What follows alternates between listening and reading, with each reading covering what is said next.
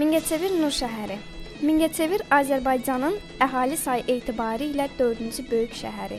Bəs görəsən bu şəhərin adının mənası nə ilə bağlıdır?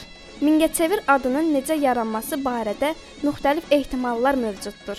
Eramızdan əvvəl 1-ci əsrdə məşhur Roma sərkərdəsi Pompey və Alban çarı Oris arasında döyüş olmuşdur. Oris ordusunun bir hissəsini ayrı-ayrı manqalara bölüb ehtiyatda saxlamış və lazım gəldikdə Manqaçur vur sözləri ilə əmr etmişdir. Digər ehtimala görə Mingəçevir toponiminin meydana gəlməsində ərəblərin Azərbaycanda olmalarında müəyyən təsir olmuşdur.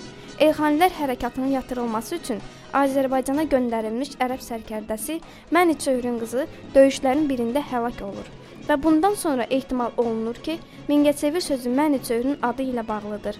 Mərhum akademik Ziya Bünyadovun fikrincə isə Mingəçevir adı 839-cu ildə xilafətə qarşı çıxmış Babək üsyanı yatırmaq üçün Azərbaycana göndərilmiş ərəb sərkərdəsi Mingəçevir Əl-Fərqaninin adı ilə bağlıdır.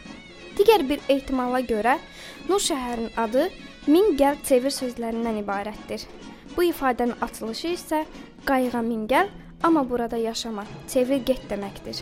Şəhər gözəl olsa da, burada yaşamaq qorxulu idi. Kür çayı tez-tez məcrasından çıxaraq böyük tələfatlar törədirdi.